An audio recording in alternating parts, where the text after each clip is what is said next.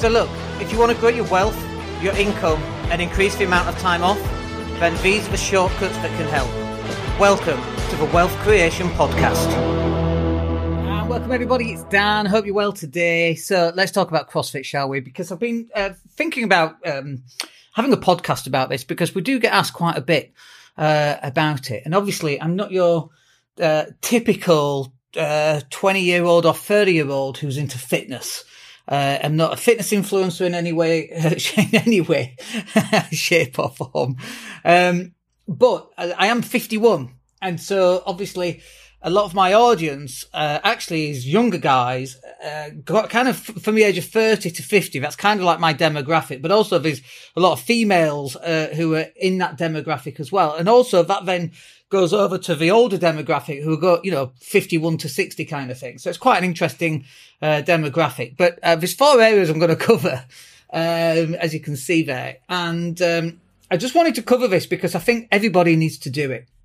I know people go to the gym and that's great, but there's a difference between going to the gym and then sitting there and doing your lat pull downs and then looking at your phone and working out what, what to do next and then what song to play in order to do the thing next. Uh, there's a big difference from that than just literally turning up and showing up and then being told what to do with a group of people and then you just go do it.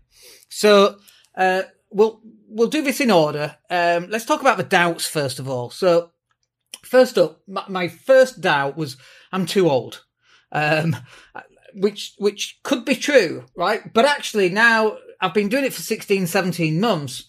And actually that's no longer a doubt. And actually, you know, the, the oldest competitor, or let me rephrase that, the oldest winner of the CrossFit Games, uh, in the over 65 age group. Listen to that. Over 65 was a 67 year old dude who won the CrossFit finals for his age group.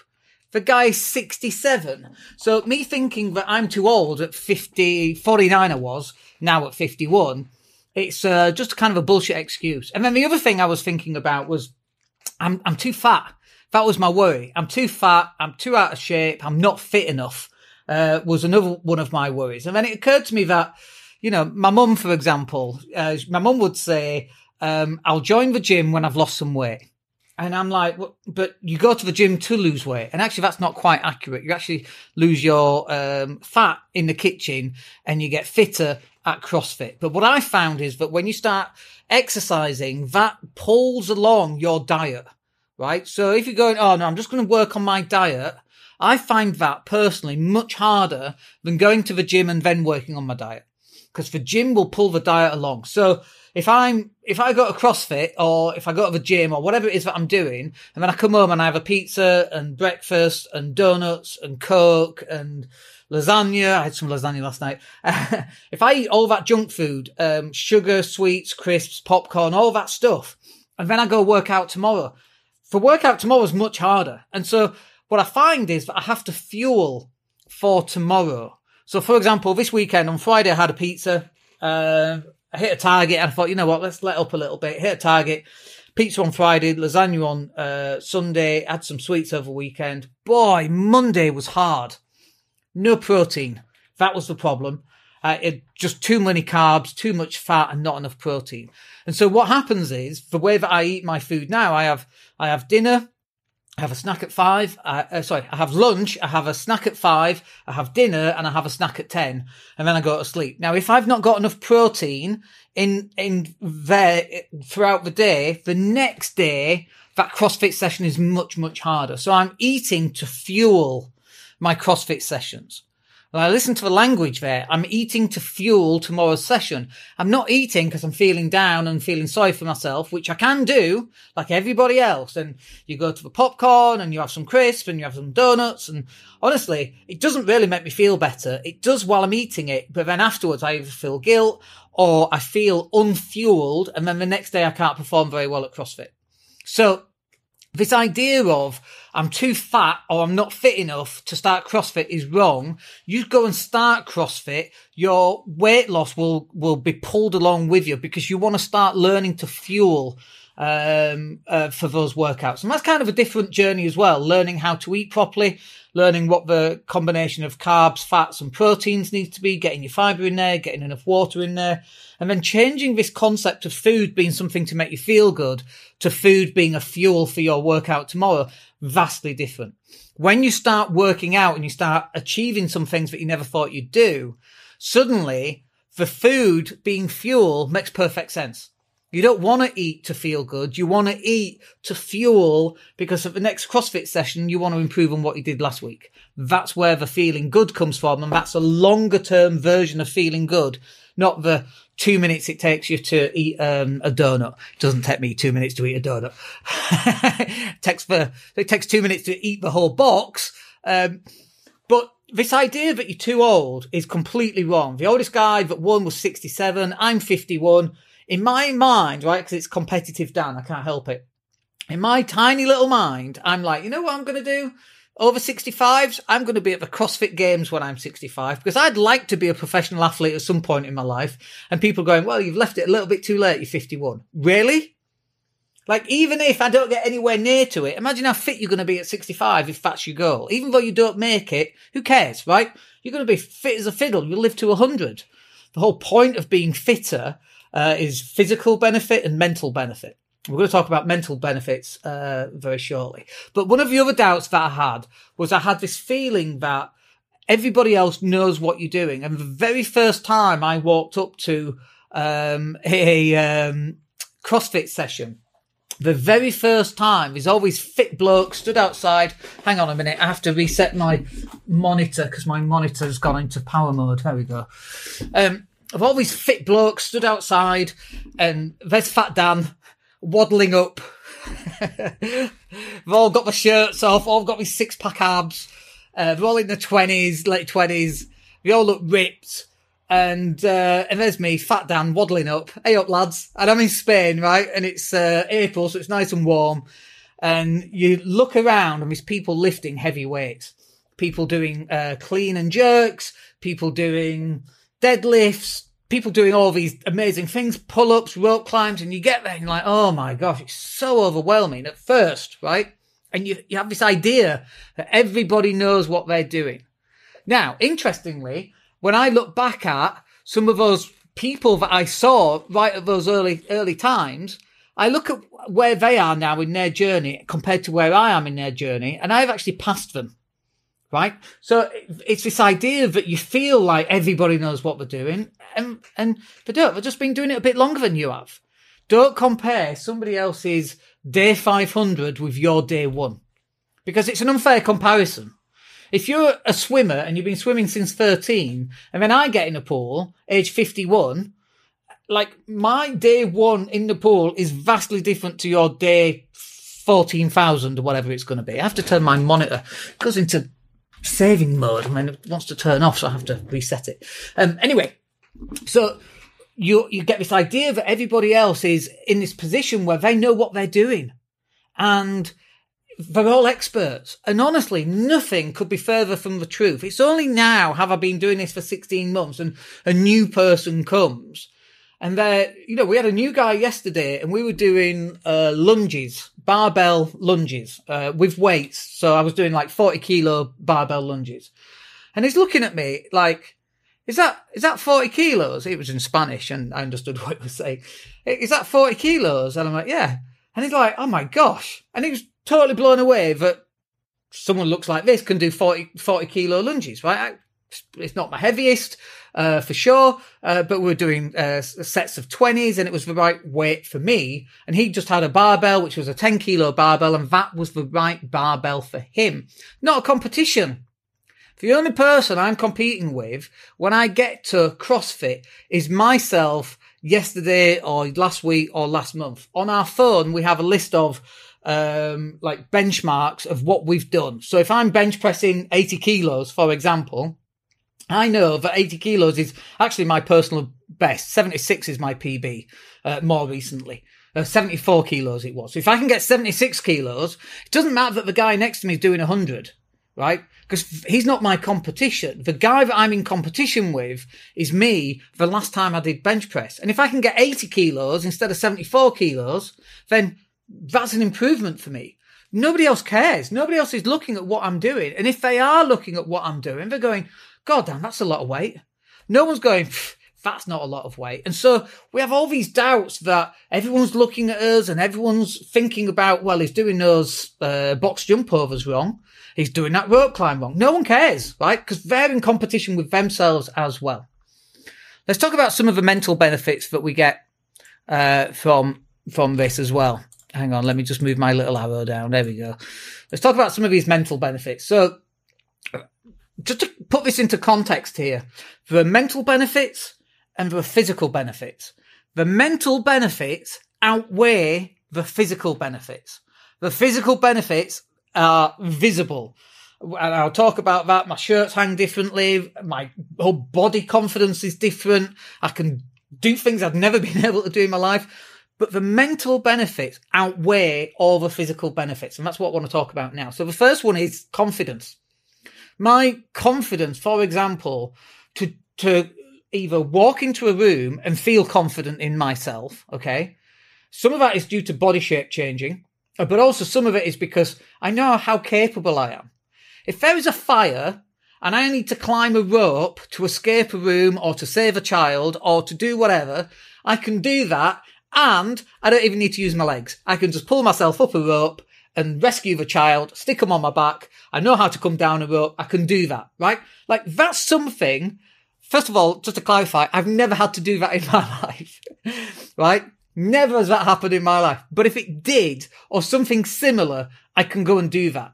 And I would have confidence I would probably survive that experience as well. Right? But what's the child? 25 kilos, 30 kilos? Not a problem. If I have to, uh, uh, there's a scene in the Poseidon uh, adventure where he has to turn a wheel. Um, you know, if, if that was me and I had to do that, I would have confidence that I could go and do that. If I had to monkey bar across something, I've never ever been able to do monkey bars. But if I, had to get from here to there and there was just some kind of thing hanging down, I had to swing from one to the other, I could do that. There are many, many different things that I can do. If I, if I needed to pick something up that was heavy and move it, I can do that, right? It could be a child. It could be a bucket of water because the place is on fire and I have to keep throwing buckets of water. Like I have stamina now. I can do that. We, you know, we kind of practice it using weights and all sorts of different things and bags and all sorts of different things. But that confidence in your ability, should the need arise for you to stand up and perform where other people can't. That confidence right there, like you can't put a price on that. And it's nothing to do with your physical benefits. It's, I guess it is, it has because it's confidence because of your physical benefits. But the confidence to walk into a room and walk up to a group of people is different now than it was 16 months ago when I felt more overweight and I felt less confident. And, you know, the last networking event, um, I don't know how we got onto it, but someone said, uh, this was in Leeds, by the way, uh, like a month ago. And someone said, Oh, how old are you? I said, Oh, 51. And they looked me up and down and went, God, you look really good. like that confidence, you know? And like, it's not even like, I mean, I accepted the compliment with a thank you very much. That's very nice of you to say so. But I already knew I looked good, right? Now, not to sound cocky about that. Maybe it does a little bit, but that's where the confidence comes from because I, I've done the work. I should know that I look good and I should feel like I look good. And that's where confidence comes from. And then the other side of it is resilience. Boy, the amount of resilience that you get. So we, we did the, we did a, a workout and there's a 45 kilogram sandbag, right? And you have to hold the sandbag. And the other guy is doing, uh, 15, was it 15? I think it was 25 calories on a, on an air bike and after he'd done 25 calories, he had to do 20 box jump overs, uh, step overs, box jump overs, right? In the meantime, I'm having to hold it until he's finished. And I'm holding it and I'm holding it and my arms are shaking and I'm, uh, and I'm closing my eyes and my, like, your brain goes into this, into this place, right? And everything slows down. The birds were tweeting that they disappeared the, the whole thing slowed down. I took control of my breathing and like I'm holding on to it and I knew I couldn't hold it any longer and I did. Right? That level of resilience that you have, that you build right there in that moment is, uh, what's the word? It tran- transfers across after CrossFit into work. So if you've got an awkward client, or if you've got a problem at work, or a problem with a member of staff, or a problem in your relationship, or something's not happening the way that you want it to, it's okay because this thing will be over soon, one way or another, right? It will resolve itself. You just have to hold on for as long as you can and keep going and, and refuse to give up. Like, like listen to the language that I'm using there. Hold on for as long as you need to, not for as long as you have to, but as long as you need to, so that the thing uh, that you're going through, you can get through it until it's done, until the job is completed. Like that's a level of resilience I never had before. I've had it at various points in my life when I played a lot of basketball, uh, five or six times a week, got really good at that. Uh, but I, that, that was years ago. It's 20 years ago since that happened, right? So this level of resilience that I've now built through CrossFit transfers into other areas of my life. That is a massive mental benefit.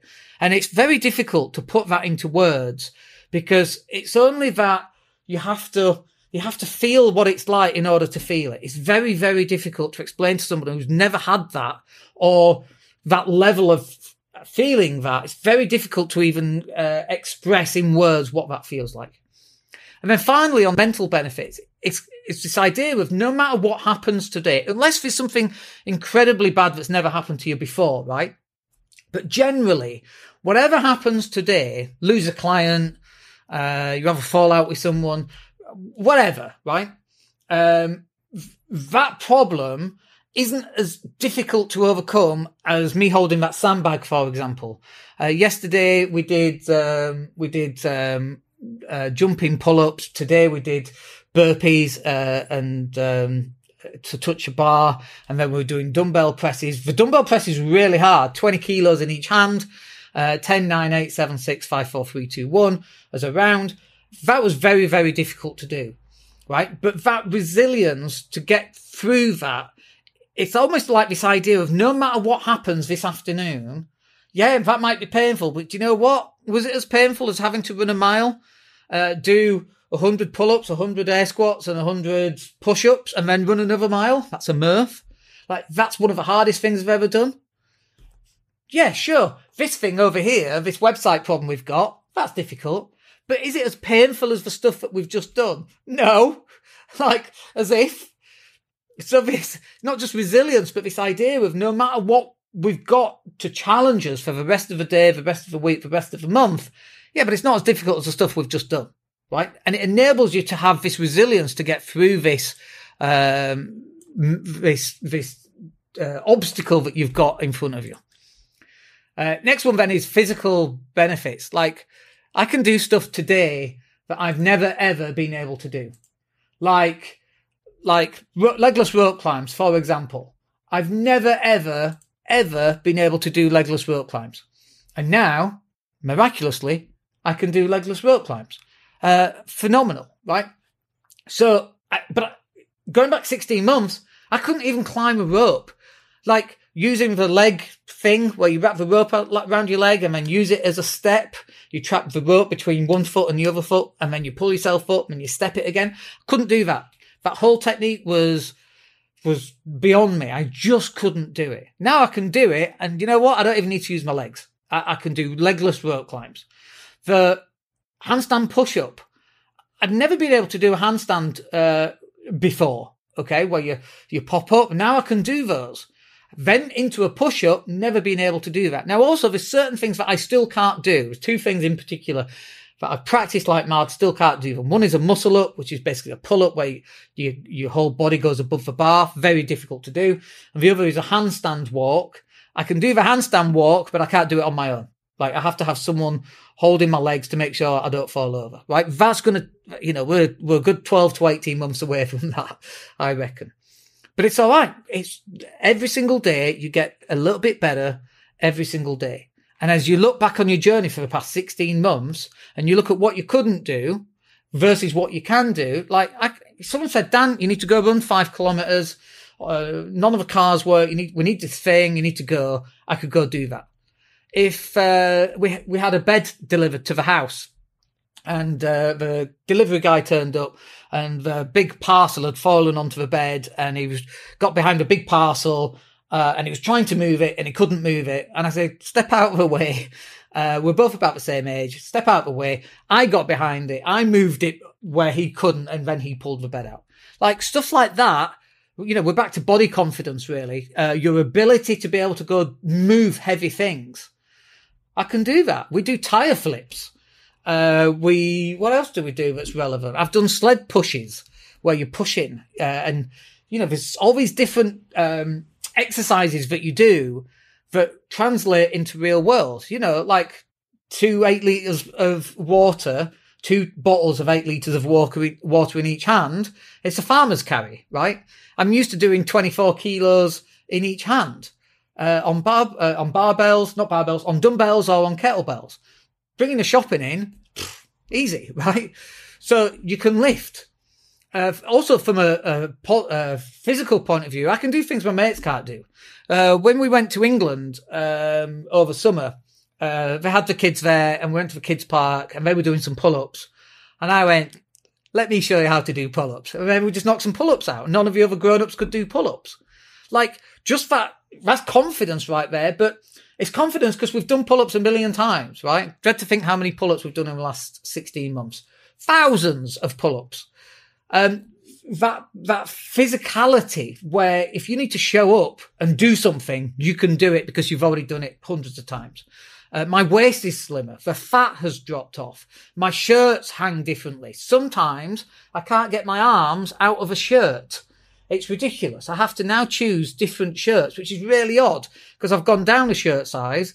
Um, but even uh, the you know, I've gone down to a small shirt, but even my medium shirts can't get my bloody arms out because my arms have grown. It's quite funny, really, when you think about it. I'm stuck in a shirt, can't get my arms out. You, you go through all these different changes and obviously you catch yourself in the mirror. Um, and when, you know, you catch yourself and you're like, oh, you look really good. That then transforms like a feedback loop back to your positive mental well-being. Just going back to mental benefits, by the way, I just want to talk about depression and black dog and anxiety and all of that kind of thing.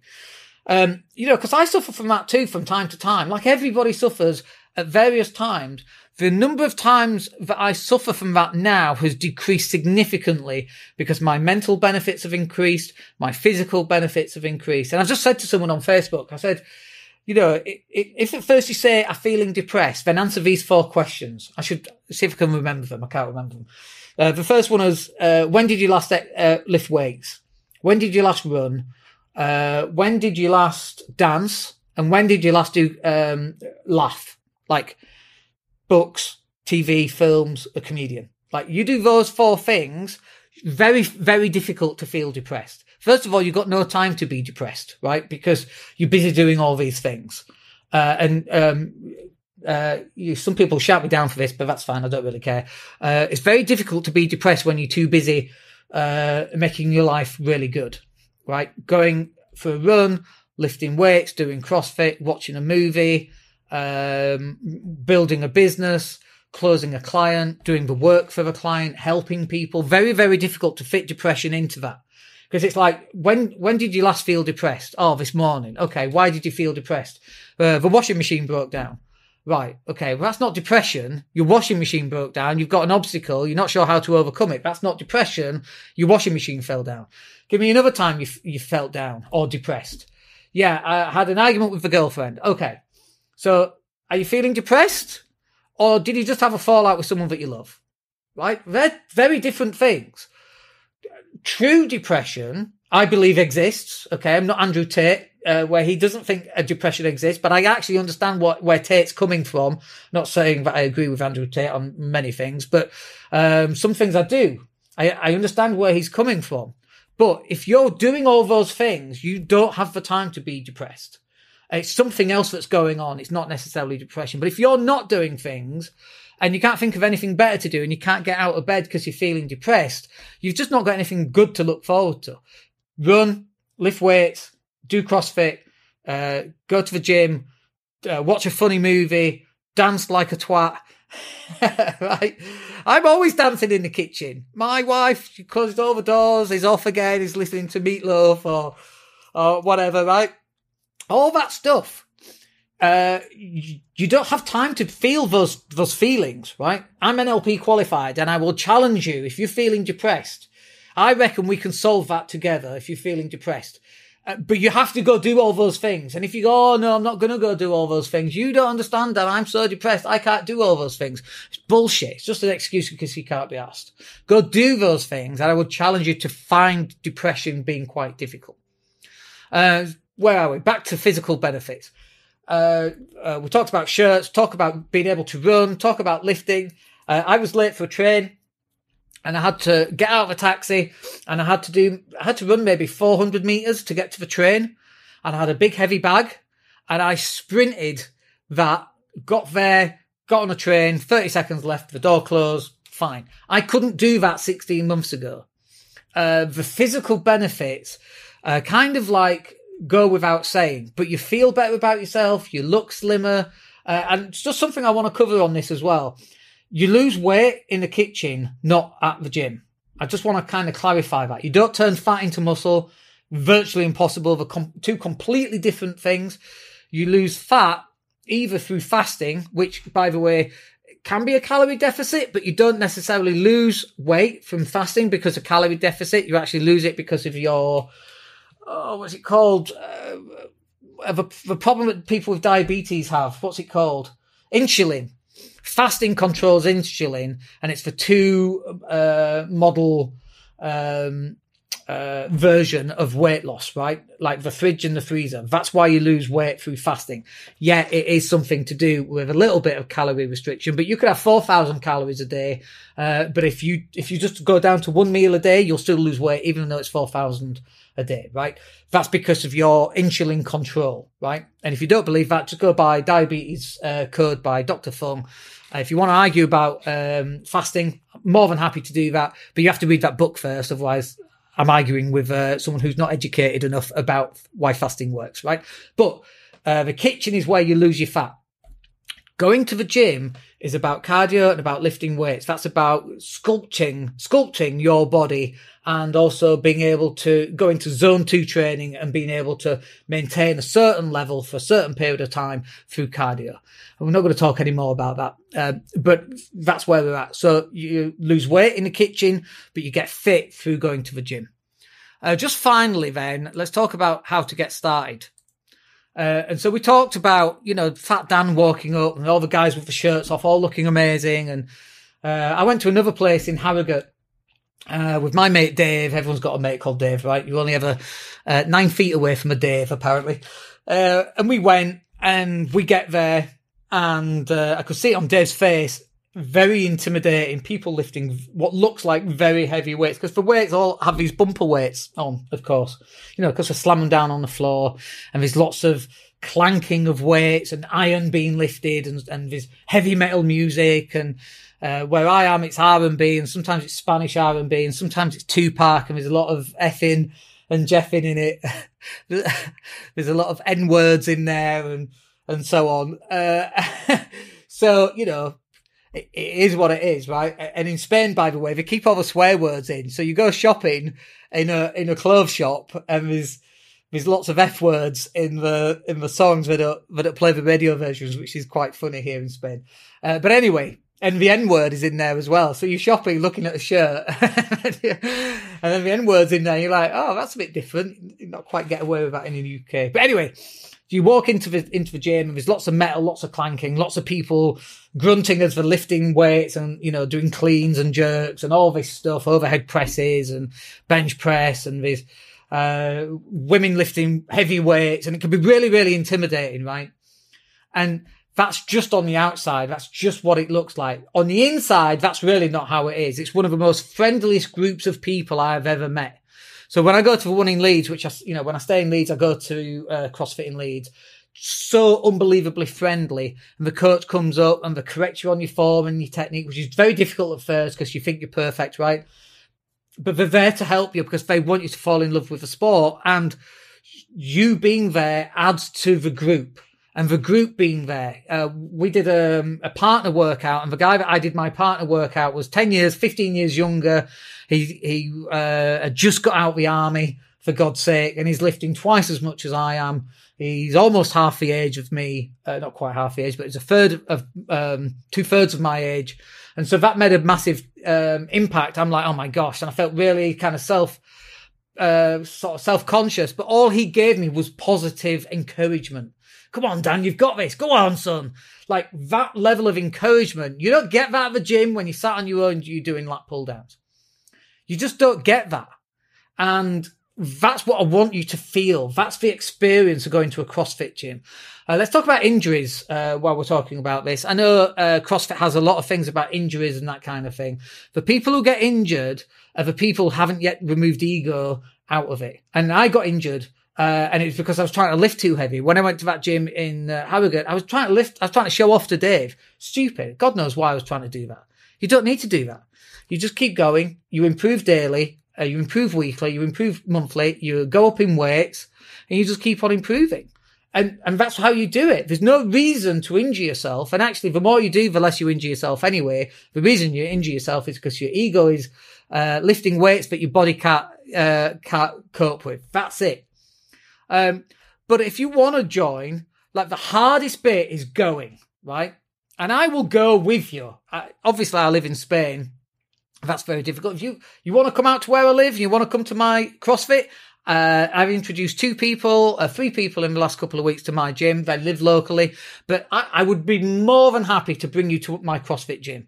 And the coaches are there. They love new people. Everybody's so friendly. But it's not just here. When I went for one in Leeds, everybody is so friendly. When I went for one in Harrogate, everybody is so friendly. Everybody is just so friendly. The thing that's stopping you is this idea that you've got in your head as to what it's going to be like and how intimidating it's going to be. When I first started, I had a plastic pipe. It's called a pica uh, in Spanish, a pipe plastic pipe. And even today, for my overhead squats, I have to start with a plastic pipe because my mobility on my arms is absolutely dreadful. I'm 51 for God's sake, not 25. And you will have that too. And uh, the guy yesterday, he was using a plastic pipe was his first session, right? That's where everybody starts. That's where everybody started. And the guy doing 100 kilograms on a bench press, that's where he started as well. Everybody starts at the start, and those that don't get injured anyway. So that's why you do need to start at the start. You just got to show up. That's number one.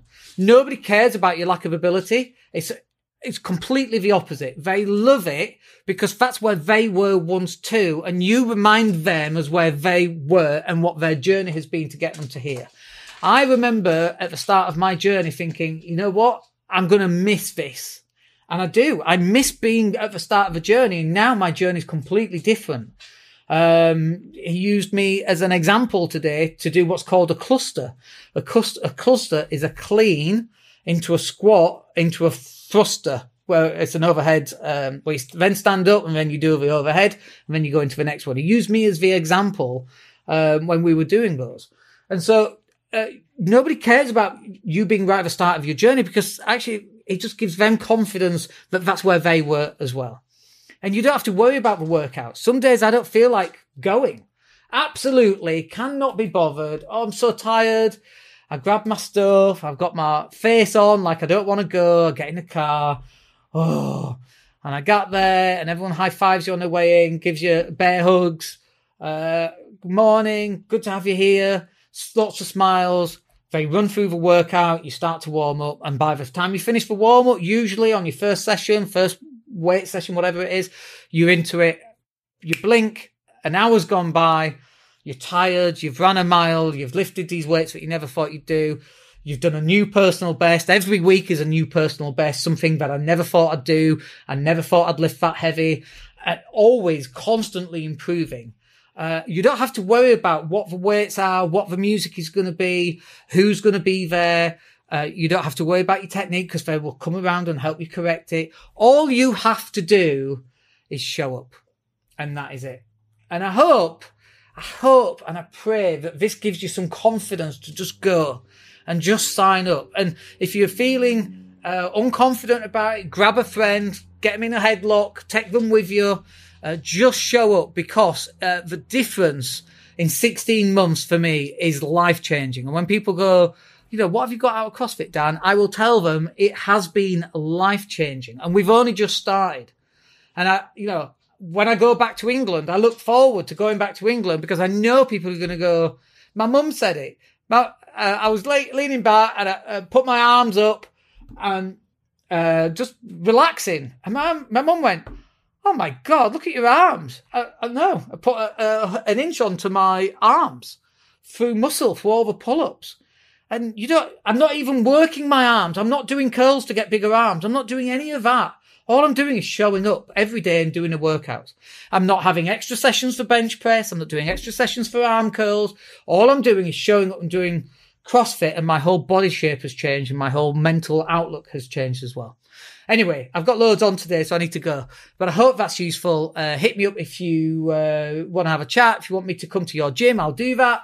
Next time, uh, you know, find out where you are.